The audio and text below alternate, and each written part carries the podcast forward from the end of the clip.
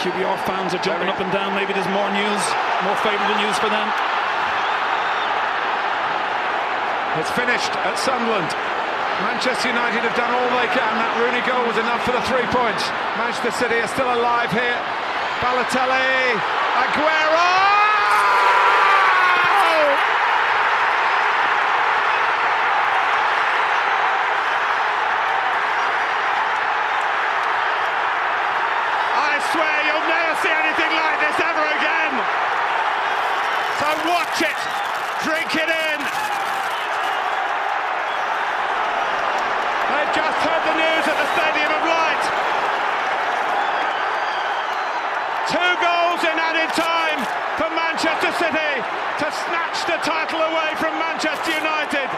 שלום לכולם, ברוכים השבים לממלכת הדשא, פודקאסט פרמייר ליג. אני רוי, והיום אנחנו נדבר על המחזור ה-26 בליגה האנגלית, הלוא היא הליגה הטובה בעולם. עשרה משחקים, מחזור שלם הפעם, שלא כמו בשבוע שעבר, בו קיבלנו אה, מחזור של שמונה משחקים בגלל אה, גמר אה, גביע הליגה, בו מנצ'סטר יונייטד ניצחה את ניו קאסל. היה לנו גם מחזור אמצע שבוע, משחקי השלמה.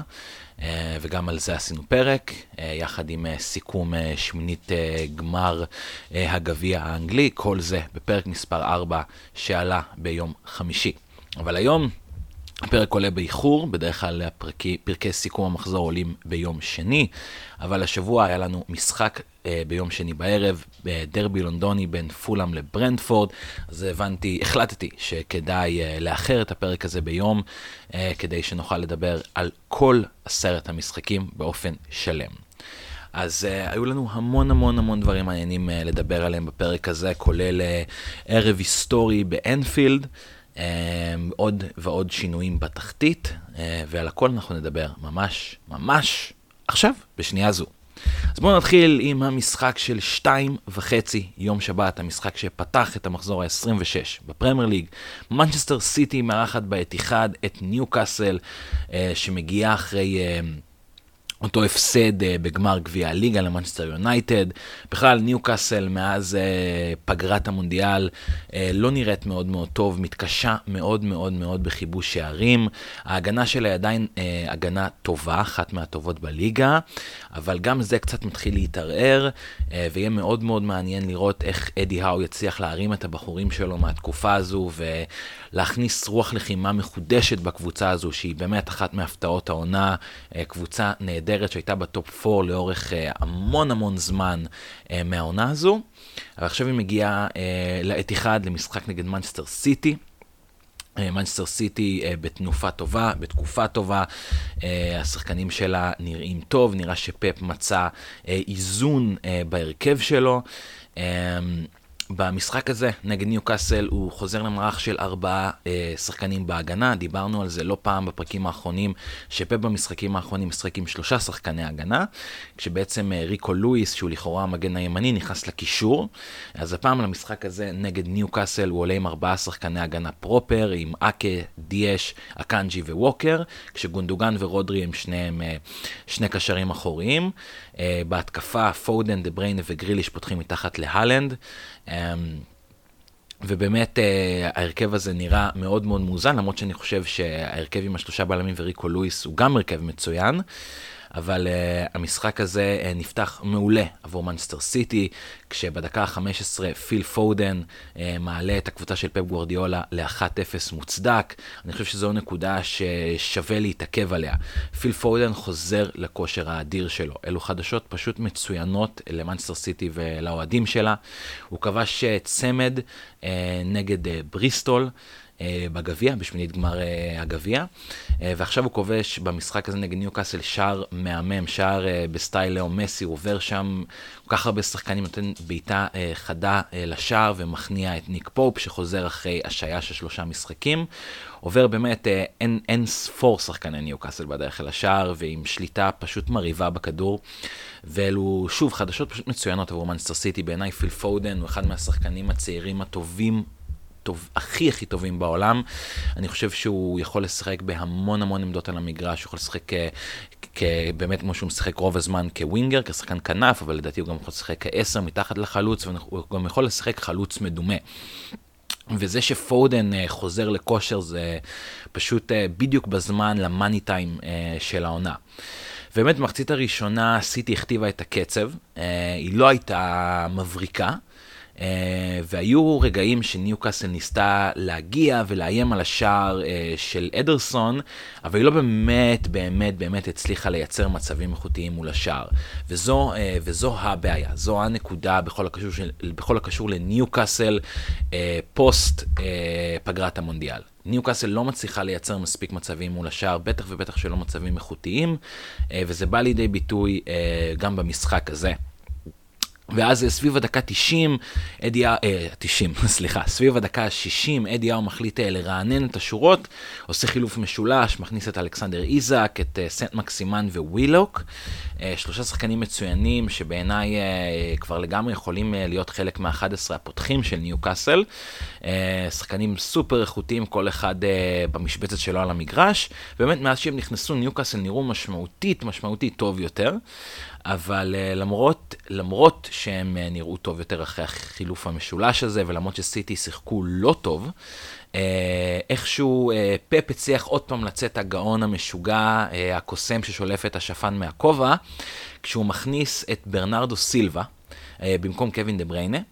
Uh, ודקה או שתיים אחרי זה, אותו ברנרדו סילבה כובש uh, שער ועושה 2-0, uh, אחרי סדרת טעויות שבמרכזה טעות של טריפייר, שמוסר את הכדור בחצי שלו הישר לשחקן של סיטי. סיטי עושה סדרת מסירות קצרות, וברנרדו סילבה כובש שער שוב דקה או שתיים אחרי שהוא עולה למגרש. דקה 67, 2-0, שבעצם סוגר את המשחק הזה, סוגר את תוצאת המשחק 2-0.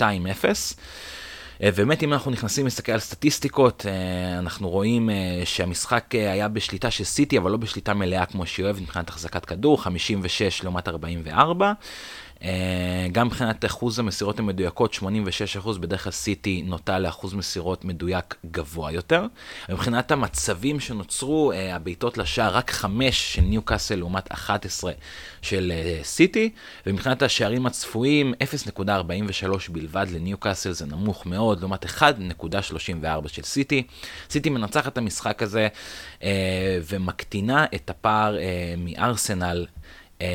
אבל אז מגיע משחק שאנחנו נדבר עליו ממש עכשיו, אחד המשחקים המטורפים של העונה, ובעצם אני חושב שזו יכולה להיות הכותרת לפרק, זה שארסנל מראה אופי של אלופה. ולא בפעם הראשונה בתקופה האחרונה דיברנו, אבל אני אדבר שוב, שארסנל הייתה בתקופה לא טובה בתחילת פברואר. היא הפסידה לאברטון, עשתה תיקו מול ברנדפורד, הפסידה לסיטי. ואז הגיע אותו משחק נגד אסטון וילה, אסטון וילה כבר הובילה אה, פעמיים על ארסנל, ובסופו של דבר ארסנל הצליחה לחזור ולנצח 4-2 את המשחק הזה. משחק שהראה המון המון אופי. שבוע לאחר מכן במשחק נגד לסטר, משחק לא פשוט, בו לסטר אה, צופפה את השורות וארסנל לא הייתה מבריקה והצליחה לנצח 1-0 והראתה אופי. ואז אה, הגיע... אה, משחק ההשלמה באמצע השבוע, עוד פעם לאותה אברטון שניצחה באופן כה הירואי את ארסנל אה, לפני אה, שלושה שבועות. ארסנל מגיעה, מחצית ראשונה לא מספיק טובה, בסופו של דבר מתפוצצת ומנצחת 4-0. אבל המשחק הזה מראה יותר מהכל את האופי אה, שמיקל ארטטה הצליח להנחיל לשחקנים שלו, את רוח הלחימה וחוסר הוויתור שיש לקבוצה הזו העונה. אחרי 30 שניות על השעון, ב... התקפה הראשונה במגעים הראשונים של הכדור, בורנמוט עולה ל-1-0 סופר מפתיע באמירויות נגד ארסנל. עכשיו, ארסנל נכנסת למסכת uh, התקפה מטורפת על השער של בורנמוט אחרי השער הזה, um, ולא מצליחה, לא מצליחה למצוא את השוויון. ובדקה ה-57, המצב עדיין 1-0 לבורנמוט, סנסי עושה 2-0 לבורנמוס, והעולם בהלם. אני גם קיבלתי הודעות מאנשים, וגם uh, צפיתי במשחק, וראיתי תגובות למשחק בטוויטר, אנשים היו בשוק. דקה 57, בורנמוט עולה ל-2-0 באמירויות, בורנמוט שמסובכת בתחתית, ש... שאמרתי עליה בפרק הקודם, או לפני שני פרקים, שאולי אפשר להכריז עליה כיורדת כבר, בגלל שיש לה סגל שחקנים אה, כל כך, כל כך לא מתאים לרמה של הפרמייר ליג, ואיכשהו היא מובילה 2-0 על ארסנל, שבמקום הראשון ארסנל שמשחקת כדורגל כל כך טוב העונה, אבל זה קורה, 2-0. אחרי 57 דקות. אבל ברגע הזה ארסנל מחליטה להתעלות מעל הסיטואציה. היא מבינה שאם מפסידה את המשחק הזה, זה יכול ליצור מפולת שלגים שהיא לא תדע איך להתמודד איתה. אז היא עונה על המגרש תוך חצי שעה. בדקה 62 תומאס פרטי עושה 1-2, מצמק את התוצאה, ומתחיל את הריצה המטורפת של ארסנל לקראת אחד המהפכים הגדולים שראינו העונה. אה, בן וייט בדקה ה-70 עושה 2-2. וארסנל ממשיכה וממשיכה לתקוף, ולא מוצאת את הניצחון, לא מוצאת את שער הניצחון, אבל ראו, אפשר היה לראות אה, על המגרש את כמות האמונה וכמות הרצון שיש לקבוצה של מיקל ארטטה, וממש על הבאזר, אה, בתוך תוספת הזמן, ארסנל מנצחת 3-2 משער של דווקא ריס נלסון, שממעט לקבל דקות העונה, אבל באמת לארסנל אין אף אחד על הספסל. אה, גבריאל ז'זוס עדיין פצוע, אנקטיה פצוע, וגם אה, לאנדרו טרוסארד, אה, שהגיע בינואר מברייטון, גם נפצע במהלך המשחק הזה. אז דווקא ריס נלסון מכולם עושה את ה-3-2. ושוב מוכיח עד כמה ארסנל מוכנה למאבק האליפות הזה העונה, כמה היא באה מוכנה לעונה הזאת. אה, אז כן, 3-2 לארסנל על בורנמוט. אגב, בורנמוט כבר פעם שנייה העונה מפסידה לקבוצה מצפון לונדון, אה, כשהיא מובילה 2-0. פעם אחרונה שזה קרה זה היה נגד טוטנאם, היריבה המושבעת של ארסנל. אה, בורנמוט הובילה 2-0 והפסידה 3-2 בסופו של דבר, וגם אז השער השלישי הגיע עמוק בתוך תוספת הזמן. אה, מבחינת uh, סטטיסטיקה, באמת, זה מטורף לראות את המספרים האלה. בורנוס בעטה ארבע פעמים לשער, מתוכם ארבע פעמים למסגרת, זה מאה אחוז מטורף, כבשה שני שערים. ארסנל, ב, ב, אה, ארסנל בעטה 31 כדורים לעבר השער של נטו, השוער של בורנמוס, מתוכם תשע למסגרת. היה לה uh, שערים צפויים של 2.17 לעומת 1.33 של בורנמוth. מבחינת uh, אחוז החזקה בכדור, 80% לארסנל לעומת 20% של בורנמוth. באמת, היא שלטה במשחק, ובסופו של דבר השיגה את שלוש הנקודות. uh, השאירה את הפער בינה לבין מנסטר סיטי על חמש נקודות, כשאנחנו כבר אחרי 26 מחזורים. המאני טיים של העונה הזו, מרץ, אפריל, מאי, 12, 12 המחזורים האחרונים עומדים להיות סופר סופר מרתקים. נעבור למשחק הבא. אמ, בואו פשוט נלך לפי הסדר שיש לי פה. אסטון וילה נגד קריסטל פאלאס, אין הרבה מה להגיד על המשחק הזה. שתי הקבוצות uh, מגיעות במומנטום מוזר. אסטון וילה הפסידה שלושה משחקים ברצף ללסטר, למנצ'סטר סיטי ולארסנל, אבל אז הצליחה להתעורר על עצמה עם ניצחון 2-0 על אברטון בחוץ. Uh, מן העבר השני, פאלאס uh, אחרי uh, שלוש תוצאות תיקו ברציפות, אבל מצד שני, אם אני, אני מאוד מקווה שאני לא טועה פה בסטטיסטיקה, אבל לדעתי היא אה, פאלאס בלי ניצחון מנובמבר, מאמצע נובמבר או סוף נובמבר, משהו כזה, הקבוצה הזאת בלי ניצחון. אה, והקבוצה הזאת יכולה גם למצוא את עצמה מסובכת מאוד מאוד אה, במאבקי תחתית, ובאמת בדק, היא כובשת שער בדקות הפתיחה של המשחק, אבל השער מבוטל, ובדקה ה-27 התקפה של אסטון וילה נגמרת בשער עצמי של אנדרסן. ובעצם יואכים אנדרסן, כמובן הבלם של פאלאס, אה, וזה גם תוצאת המשחק, וילה מנצחת 1-0 מהשער הבודד הזה, ובעצם מה שקורה בעקבות ההפסד הזה זה שפאלאס כרגע רחוקה 5 נקודות בלבד אה, מאברטון שבמקום ה-18. עכשיו 5 נקודות זה המון. אני לא חושב שפאלאס שבמקום ה-12 נמצאת באמת באיזשהו מאבק ירידה, עוד לא, אבל אם היא תמשיך לא להצליח להשיג נקודות, ואם היא תמשיך בפורמה הרעה הזאת, אז uh, יש סיכוי שהיא תוכל למצוא את עצמה מסתבכת בקרבות תחתית, uh, אליהם היא לא ציפתה, כי פאלאס בדרך כלל היא קבוצת uh, אמצע ומטה, אבל היא לא באמת מסובכת בקרבות ירידה בשנים האחרונות, קבוצה די יציבה. Uh, באמת גם במשחק מבחינת סטטיסטיקות, מעט מאוד קרה, שמונה בעיטות של וילה לעומת שלוש של פאלאס, uh, רק מצב איכותי אחד נוצר במשחק הזה מצידה של וילה. וילה, מבחינת שערים צפויים 1.20 לווילה לעומת רק 0.17 לקבוצה של פטריק ויירה. אה, אז כן, אה, משחק שאין הרבה מה להגיד עליו. המשחק הבא שנדבר עליו, ברייטון נגד וסטאם. ברייטון, באמת, איזה סיפור מטורף עם הקבוצה הזו, שאיבדה את... את המאמן שלה, גרם פוטר, בתחילת העונה, עבר, אה, לא בתחילת העונה, באמצע העונה, עבר לצ'לסי, איבדה שחקנים חשובים, ואיכשהו היא עדיין מצליחה אה, להיות אחת הקבוצות הטובות בליגה, היא מציגה כדורגל סופר מרשים, אה, היא מגיעה אחרי אה, שני משחקים בהם היא לא מנצחת, אה, תיקו מול פאלאס והפסד לפולאם מאותו שער של מנור סולומון. היא מגיעה למשחק הזה נגד וסטאם, וסטאם שרוצה להוכיח שהיא מחוץ לקרבות התחתית, וסטאם שרוצה להראות, הנה, וסטאם סוף סוף במרץ, תחילת מרץ, הגיע לעונת 22-23 של הפרמייר ליג, והיא לא וסטאם של התחתית. כמובן זה קורה, uh, המחשבה הזאת קורית בעקבות הניצחון 4-0 של וסטאם בבית uh, על נוטיגרם פורסט, ניצחון סופר מרשים. אבל לברייטון היו תוכניות אחרות. Um, ובדקה ה-18 היא מקבלת פנדל, מקליסטר, אלוף העולם הארגנטינאי, מעלה את הקבוצה ל-1-0. אמ, ובעצם במחצית השנייה אה, מתחיל פה הטירוף האמיתי אה, של המשחק הזה. ראוי לציין שבמחצית הראשונה אה, ברייטון שלטה לגמרי במשחק. היו לה אחוז שערים צפויים, לא אחוז, היו לה שערים צפויים של 1.11 לעומת 0.33, וזה רק במחצית הראשונה. זה עוד יקפוץ במחצית השנייה, שבאמת בא ברייטון, הקבוצה של רוברט דזרבי, פשוט באה על מנת לפרק את וסטאם. בדקה ה-51, ג'ואל ולטמן מההגנה עושה 2-0. בדקה ה-69, מתומה, אחד הסטארים הכי לא צפויים של העונה, השחקן הזה, אמ, שאני בטוח שכבר דיברנו עליו בפודקאסט ונדבר עליו שוב ושוב ושוב. אה, שחקן יפני סופר מוכשר, מאוד מאוד טכני. אה, בדקה ה-69, ה-69 עושה 3-0, כשדני וולבק, הוותיק והטוב, עושה 4-0 בדקה ה-89. ובעצם אה, הקבוצה, אה, בעצם ברייטון מחזירה את וסטאם לקרקע. אה, וסטאם חשבה שהיא יוצאת עכשיו לדרך חדשה, לא ולא. וסטאם עדיין קבוצה תחתית ועדיין נאבקת נגד הירידה. והייתה פה באמת תצוגת תכלית מטורפת של ברייטון נגד וסטאם. היא בעטה 20 פעמים לשער, לעומת רק שלוש של וסטאם. וסטאם ייצרה אה, שערים צפויים של 0.33, זה אומר שהיא לא ייצרה שום דבר במחצית השנייה.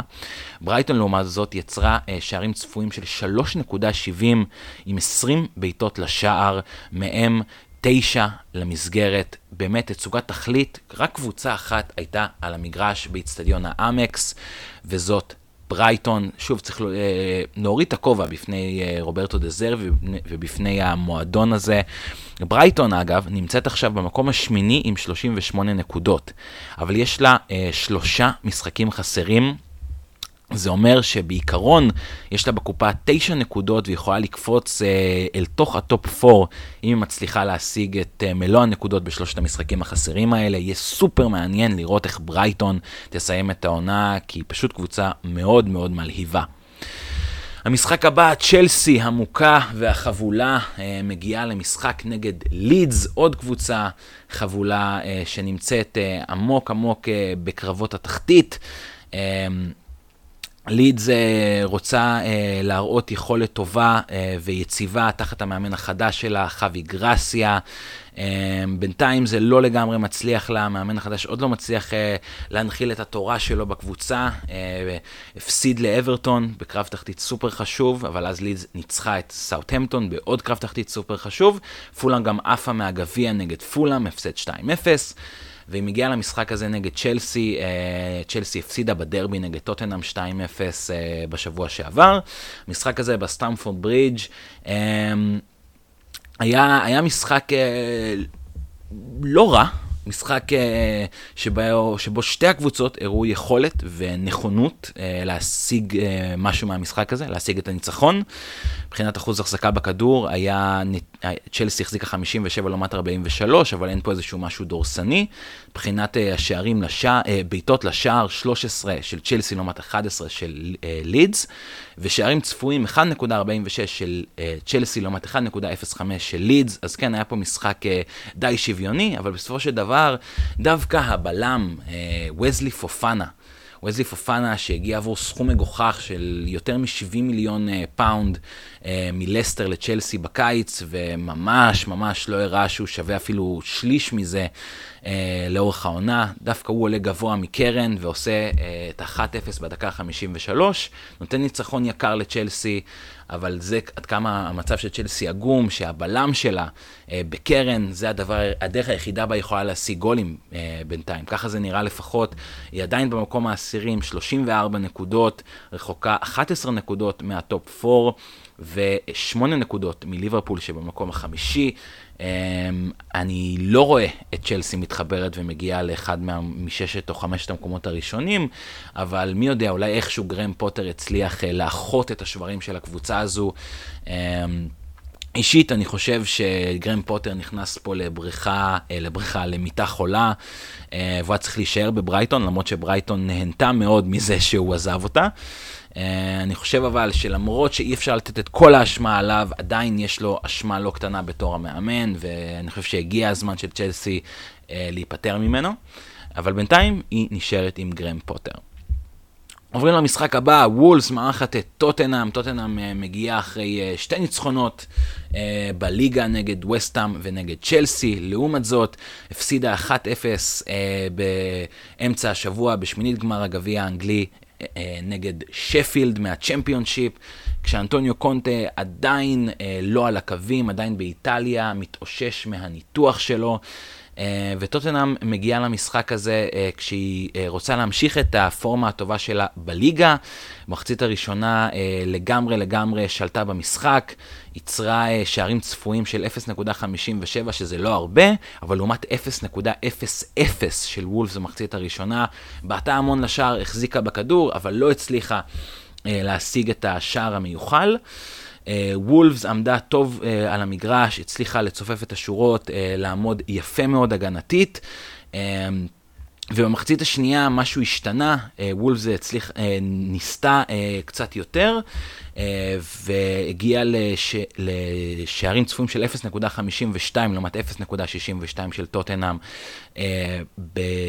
עד סוף המשחק, במחצית השנייה בעצם, אבל המשחק לא התעלה לאיזה שהם גבהים סופר מרשימים, למרות שטוטנאם בעטה 21 פעמים לשער, רק 6 מהבעיטות האלו הגיעו למסגרת. וולס בעטה 8 פעמים לשער, כשחמש מאותן בעיטות הגיעו למסגרת, מה שאומר שהיא יצרה לכאורה יותר מצבים איכותיים, אבל המצבים האיכותיים slash גדולים היו שווים בין הקבוצות, 2 ו-2. באמת היה כאן אה, סיפור של כמעט שתי מחציות, כי במחצית הראשונה טוטנאם הייתה הרבה הרבה יותר טובה, אבל uh, היא, היא איבדה את זה. כמו שאמרנו uh, על ארסנל, שיש לה את האופי הזה, את ה killer instinct בעונה הזו, טוטנאם אין לה את זה. ברגע שלא עובד לה דברים, היא מתחילה להתפרק ולהתכנס לתוך עצמה, והיא לא הצליחה למצוא את השער ככל שהזמן עבר, ווולפס ככל שהזמן עבר קיבלה יותר ויותר ביטחון. חולן לופטגי, המאמן הספרדי, עם ניהול משחק פשוט מעולה, עשה חילופים בזמן וחילופים מצוינים, אה, ווולפס אה, התקרבה יותר ויותר ויותר, עד שבדקה ה-82 אה, פרייזר פורסטר עוצר כדור קשה מאוד, שמגיע על סף הרחבה ל... אה, אדם הטראורה, שבמין אה, חצי בול, אה, וולה שכזה בועט שער, בועט כדור ומכניס אותו לרשת של פוסטר ועושה 1-0 וגם קובע את תוצאת המשחק, ניצחון סופר יקר וחשוב לוולפס. שרוצה גם היא לברוח מקרבות התחתית, ובעצם עם הניצחון הזה קופצת ל-27 נקודות כמו uh, קריסטל פלאס uh, במקום ה-13. שוב, עדיין רק 5 נקודות הם uh, אברטון שמתחת לקו האדום, אבל 5 נקודות זה אחלה של uh, מרחק, ואני חושב שוולס יש לה שחקנים מעולים ויש לה מאמן משכמו ומעלה, ואני חושב שהיא uh, תתקדם עוד ועוד מפה ותצליח uh, לשרוד את אה, עוד עונה בפרמייר ליג באופן גם יחסית נוח, זו הערכה שלי. אה, ואז אה, עוד משחק ובו מעורבת אה, קבוצה תחתית שנלחמת על החיים שלה עם כל מה שיש לה. סאוטהמפטון מארחת בסיינט מרי את לסטר. עכשיו, אני אמרתי לפני שבוע שלדעתי אפשר להכריז על סאוטהמפטון כיורדת הראשונה. אני חושב, וחשבתי אז ואני חושב גם היום, שלסאוטהמפטון יש סגל לא איכותי מספיק, יש לה אה, מאמן זמני שהפך להיות המאמן אה, הקבוע, רובן סלס, שהוא גם אין לו ניסיון, צריך מאמן אה, מאוד, עם המון המון ניסיון וגם ניסיון ספציפי כדי אה, להתמודד עם אה, מאבקי הירידה בפרמייר ליג. אני חושב שלסאוטהמפטון אין את זה לעומת uh, קבוצות אחרות ב... שמתמודדות יחד איתה נגד הירידה. אבל כמובן, uh, uh, פרטים על הדף uh, לחוד, והמשחק תכלס על הדשא לחוד. Uh, המשחק הזה במחצית הראשונה היה... Uh, דווקא בשליטה של סאוטהמפטון, שהצליחה להגיע ליותר מצבים מלסטר, אה, ונראתה טוב יותר מלסטר, ובדקה ה-35 גם השיגה את השער שלה, אלקרז, זה הקשר שהגיע אה, בינואר מרייסינג, אם אני לא טועה, רייסינג מארגנטינה, הוא זה שכובש את השער 1-0 אה, לסאוטהמפטון, ובעצם... אה, מפה אה, סאוטהמפטון חשבה רק הגנה, רק שתראו את ההבדל הזה במספרים. השערים הצפויים של סאוטהמפטון במחצית הראשונה היו 1.31. במחצית השנייה זה התהפך ל-0.07. זה לבד אמור לספר לכם את סיפור המשחק של סאוטהמפטון. היא השיגה את השער שלה אחרי שהיא שיחקה כדורגל לא רע בכלל, uh, ומאז עברה למוד הגנתי בטירוף. לסטר התעוררה מאוחר מדי רק במחצית הראש... השנייה, שאז היה לה אה, אה, שערים צפויים של 1.11, אבל זה היה אה, מעט מדי ומאוחר מדי, ולסטר ממשיכה את העונה הכל כך משונה הזאת שלה, והיא במקום ה-15 עם 24 נקודות, רק שתי נקודות מעל אברטון שנמצאת מתחת לקו האדום, מה שאומר שלסטר, לפחות לבינתיים, עמוק עמוק בקרבות התחתית, בעוד סאוטהמפטון משיגה ניצחון ויוצאת מן המקום האחרון אה, אליו יורדת בורנמוth, וסאוטהמפטון עולה למקום ה-19 עם 21 נקודות. כרגע המצב הוא מטורף, כל קבוצה מבורנמוth ועד... אה, נוטיגם פורסט ואפילו וולפס עם 27 נקודות ופאלאס עם 27 נקודות, כולם עדיין יכולות להיות בסכנת ירידה, יש לנו עוד 12 מחזורים, אה, אז יהיה מאוד מאוד מעניין לראות מה יקרה עם הסיפור הזה. סיימנו את משחקי יום שבת, בואו נקפוץ ליום ראשון. Uh, יום ראשון, uh, בשעה 4, נתן לנו משחק סופר סופר איכותי בין נוטינגאם פורסט לאברטון. המשחק הזה בנוטינגאם, uh, התיישבתי לראות אותו עם ציפייה למשחק אפור ומשעמם, עם שני מאמנים פרגמטיים. אה, שרק חושבים על איך אה, לצאת מפה עם הנקודה, אפילו לא עם הנקודות, וקיבלתי אה, משהו אחר לגמרי, שתי קבוצות שבאות לתקוף, באות לטרוף את המגרש, שתי קבוצות שרוצות את מלוא הנקודות בקרבות שלהם נגד הירידה, למרות שפורסט במצב הרבה הרבה יותר טוב לו, לעומת אברטון, אבל גם היא עדיין מסובכת שם. המשחק היה קצבי אה, ומעולה, ואברטון אה, הגיע ליותר מצבים בדקות הראשונות, ובדקה העשירית היא מקבלת פנדל, ודמארה גריי, שחקן שהוא בדרך כלל שחקן כנף, פותח במשחק הזה כחלוץ תשע, כמובן אה, דומיניק קלברט לוין, החלוץ הפותח של אברטון עדיין פצוע, או... צריך להגיד, הוא רוב הזמן פצוע, יותר פצוע ממה שהוא משחק. אה, אז דמרי גריי עושה 1-0, אבל נוטינגאם חזרה ישר לעניינים, ברנון ג'ונסון, אה, שחקן נפלא אה, מנוטינגאם, שחקן שגדל בנוטינגאם, בעיר, בקבוצה, כובש בדקה ה-19, רק 9, נקוד, אה, רק 9 דקות אחרי את האחת-אחת, מחזיר את... אה, את נוטינגאם לעניינים, ונוטינגאם נראתה טוב, אבל uh, טעות בהגנה ודוקורה הקשר האחורי של אברטון עושה 2-1 על סף הדקה ה-30, וככה גם נגמרת המחצית הראשונה שהייתה אה, מלאה באירועים אה, והייתה אה, מאוד מאוד מאוד איכותית. אה, היו שערים צפויים של 1.68 אה, לאברטון לעומת 0.59 של נוטינגאם. אבל אז אה, אברטון עשתה את מה שסאוטהמפטון עשתה, אה, וזה שהיא ראתה את עצמה אה. אה, יתרון, אה, מובילה בשער מול אה, קבוצה מאוד מאוד קש, שקשה לשחק נגדה, בעיקר בבית, נגד נוטינגאם, והיא ניסתה לשמור על התוצאה כמו שהיא, היה לה שערים צפויים של 0.03 במחצית השנייה, באמת ניסתה בעיקר לחשוב הגנתי, אבל נוטינגאם חשבה התקפי, היה לה שערים צפויים... אמנם רק של 0.26 אני רואה פה, אבל לפחות לי, כשראיתי את המשחק, זה הרגיש שנוטינגאם ניסתה ממש ממש בכל הכוח להשיג את, ה, את השוויון, ובדקה ה-77 ברנון ג'ונסון שוב עושה אה, מהלך נפלא ועושה 2-2 כל כך, כל כך, כל כך כואב לאברטון, שכבר ראתה את עצמה מגיעה, אה, חוזרת לליברפול עם שלוש הנקודות שהיו כל כך, כל כך עוזרות לה במאבק הירידה, בעיקר. אה, יום אחרי שלידס מפסידה, אברטון הייתה יכולה לצאת אה, מהקו האדום ולהוריד לשם את לידס, אבל לברנן ג'ונסון היו תוכניות אחרות, ונוטינגאם משיגה את השוויון. ואני רוצה ממש חצי שנייה לדבר על ברנון ג'ונסון, אני חושב שזה שחקן... אה, שאם יראה יותר אחידות בהופעות שלו, אם יצליח לייצר אה, את ההופעות האיכותיות שלו לאורך זמן ובאופן רציף, אה, זה שחקן שכל הגדולות באנגליה יכולות להשתמש בו. יש לו יכולת כדרור נהדרת, שליטה בכדור נהדרת, בעיטה וסיומת מפלצתיים. שחקן שלגמרי לגמרי יכול להיות שם באחת הקבוצות הגדולות, אם, אם הוא יעבוד יותר על, ה, על היכולת שלו להפוך להיות יותר רציף בהופעות שלו. עכשיו, בואו נעבור למשחק המרכזי, המשחק המטורף ביותר של המחזור ה-26 בפרמייר ליג. ליברפול מארחת את מנצ'סטר יונייטד. עכשיו, אה, אני קראתי אה, לא מעט אה, דברים לקראת המשחק הזה, בעיקר, בעיקר בטוויטר. זה היה נראה כאילו אוהדי יונייטד מגיעים למשחק הזה בטירוף. אחרי שנים בהם יונייטד uh, קיבלה רביעיות ולפעמים חמישיות מליברפול, בהן יונייטד ספגה השפלות מליברפול, בהן יונייטד נראתה באופן משמעותי הקבוצה הפחות טובה מליברפול. העונה הזאת, יונייטד, היא הקבוצה הטובה מבין השתיים. היא במקום השלישי, היא מציגה כדורגל נהדר, כדורגל התקפי, כדורגל סוחף, יש לה מאמן חדש ומעולה ויצירתי. היא בדיוק זכתה בתואר הראשון שלה מזה שש שנים, היא באה בתנופה, היא ניצחה את ברצלונה.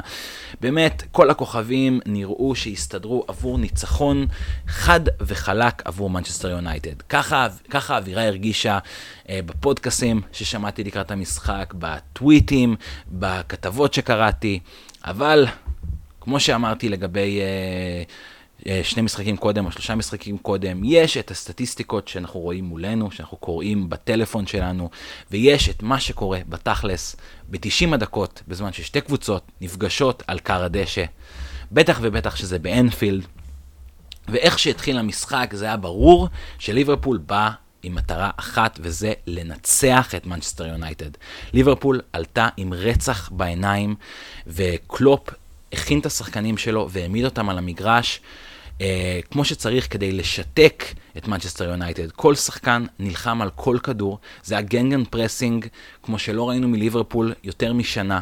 זה ה gegenpressing של קלופ בשלמותו. המחצית הראשונה אמנם אה, לא הניבה לנו שערים עד שלב מאוד מאוד מאוחר שלה, אבל ליברפול נראתה משמעותית טוב יותר ממנצ'סטר יונייטד. היא פשוט שטפה את המגרש, גם אם זה לא אה, נראה לגמרי אה, ב... אה, בשערים הצפויים או במצבים הגדולים שנוצרו, כי היה רק אה, שערים צפויים של 0.67 של ליברפול.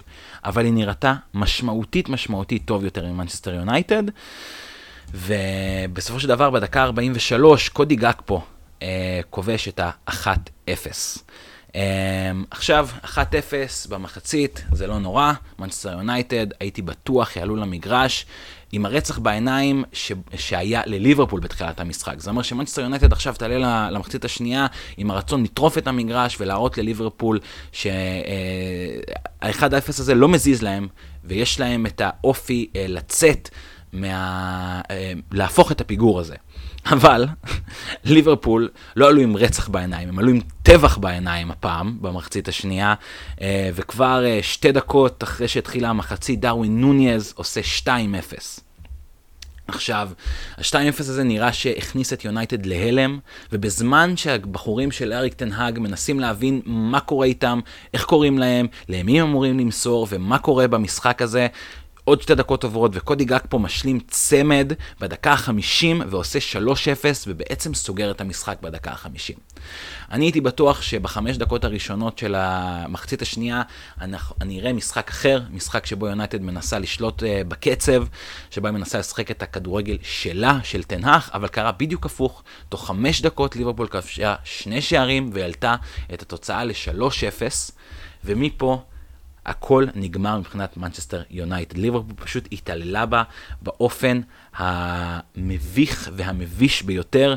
בדקה ה-66, מוחמד סאלח, שהיה פשוט מופתי במשחק הזה, זה היה כמו שירה על הדשא, מה שהוא עשה למנצ'סטר יונייטד, אבל לא רק הוא. אה, בדקה ה-66 הוא עושה 4-0, בדקה ה-75 נוניאז משלים צמד, עושה 5-0, וזה הרגע שאני אמרתי לעצמי, עומד להיות פה ערב היסטורי.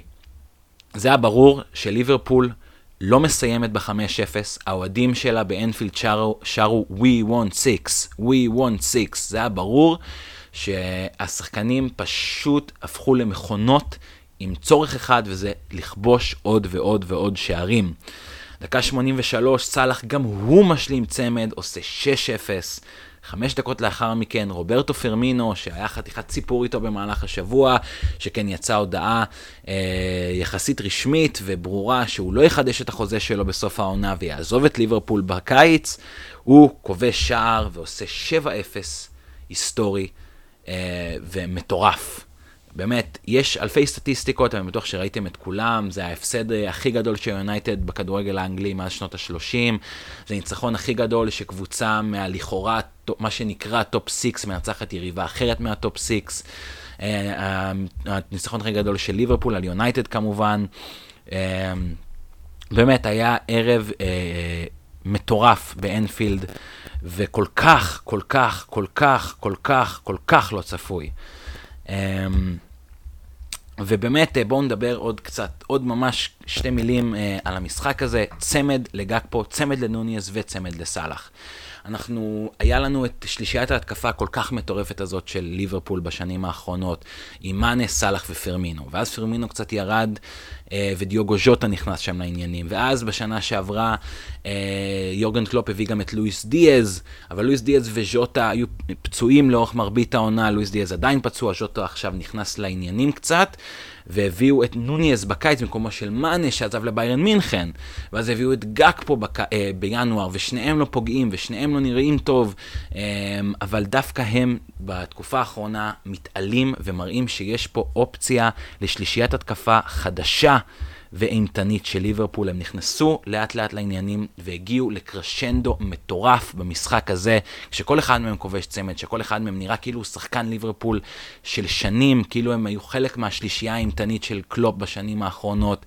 זה היה באמת מדהים לראות את גג פה, נוניס וסאלח במשחק הזה, ואוהדי ליברפול שראו את המשחק הזה צריכים להיות מבסוטים גם מזה. לא רק מהתוצאה ההיסטורית והמטורפת, לא רק מהבדיחות בטוויטר על זה שגם בעונה הכי טובה שלכם, מנצ'סטר יונייטד, ובעונה הכי גרועה שלנו, ליברפול, אנחנו מנחילים לכם כזאת תבוסה. צריך להסתכל מעבר.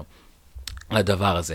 צריך להסתכל על זה שיש פה שני שחקנים חדשים שעברו מסכת איסורים אה, בשנה הזו שהגיעו, חלקם בחודשיים מאז שהם הגיעו ונראו לא טוב אה, וקיבלו המון המון ביקורת ועכשיו נראים מצוין, אלו שחקנים צעירים שיכולים ללוות אה, את ליברפול שנים קדימה ויחד עם סאלח ודיוגו ז'וטה ולואיס דיאז שיחזרו לעניינים, זו באמת התקפה מטורפת לעתיד לבוא. אין לי מה להגיד על מנצ'סטר יונייטד, כזו התבזות לא צריכה לקרות ברמות האלה. מנצ'סטר יונייטד הייתה צריכה למצוא את הכוח הפנימי אחרי ה-3 או 4-0, לצמצם את השורות, להבין שיש פה איזשהו אה, משהו קוסמי, אה, ולנסות לעצור את ליברפול, וזה פשוט לא קרה, והם באמת, באמת התבזו באנפילד. אה, וזה, צריך להבין שתוצאות כאלה יכולות להשפיע ברמה המנטלית, ברמה המורלית וגם ברמת הפרש שערים, שפתאום ההפרש שערים של יונייטד uh, נחתך לגמרי, הוא רק על פלוס 6, אפילו לטוטנאם כבר אה, במקום הרביעי יש... אה, הפרש שערים טוב יותר, ובאמת ליברפול רק שתי נקודות, רק שלוש נקודות, סליחה, מתחת לטוטנאם, ונראית חזק חזק פתאום ומשום מקום במאבק על ה top 4. נסיים עם המשחק של יום שני, ברנטפורד מארחת לדרבי את פולאם, פולאם עם כוכב הפרמייר ליג, או כוכב הכדורגל האנגלי הלוהט של הרגע, מנור סולומון, שכבש ארבעה שערים בארבעה משחקים רצוף. אה, אחד מהם היה בגביע, שלושה מהם בפרמייר ליג. אה, המשחק הזה נפתח אה, בשליטה טוטאלית של ברנטפורד בדקה השישית. פינוק מעלה את, הקב... את אה, הקבוצה של תומאס פרנק ל-1-0. ברנטפורד המשיכה להראות כדורגל טוב יותר, אבל uh, בדקה 39 פולאם uh, מקבלת כדור חופשי, אנדרס פררה, אגב, היו הרבה כדורים חופשיים uh, מצוינים במשחק הזה, אנדרס פררה בועט אותו למשקוף, הכדור חוזר חזרה למשחק, ומנור סולומון, מנור סולומון, סליחה, כובש עם הראש מול שער ריק את, הש, את השוויון, את האחת-אחת. Um, אני לא יודע, כבר שלושה, ארבעה פרקים ברצף שאני מדבר על מנור סולומון, אז אין לי יותר מה לחדש, חוץ מזה שמגיע לשחקן הזה כל הכבוד, שאפו, שאפו בגודל אינסופי על זה שהוא מצליח. אמ, להיות אה, ולשחק ברמה הזאת, לכבוש בחמישה משחקים רצוף בליגה האנגלית, בכדורגל האנגלי, כי הוא גם כבש אחד בגביע, זה קשה, זה מאוד קשה, זה ליגה תובענית, זו ליגה קשה, והוא ליגה קשוחה, והוא עושה את זה, והוא שיחת היום בפרמייר ליג. שוב, אני עוקב בטוויטר, אני עוקב אחרי מה אנשים אומרים, אנשים משתגעים עליו, וצריך רק להוריד בפניו את הכובע, הוא עושה אחת-אחת, אבל למרות שמנור סולומון כבש, פולאם הייתה לא מספיק טובה במשחק הזה, וברנפורד היא זו ששלטה. אה, במשחק נראתה הרבה הרבה יותר טוב, גם במחצית הראשונה וגם במחצית השנייה היא ייצרה שערים צפויים מאוד מאוד גבוהים, 0.98 במחצית הראשונה, 1.22 במחצית השנייה, לשערים צפויים כוללים של 2.20.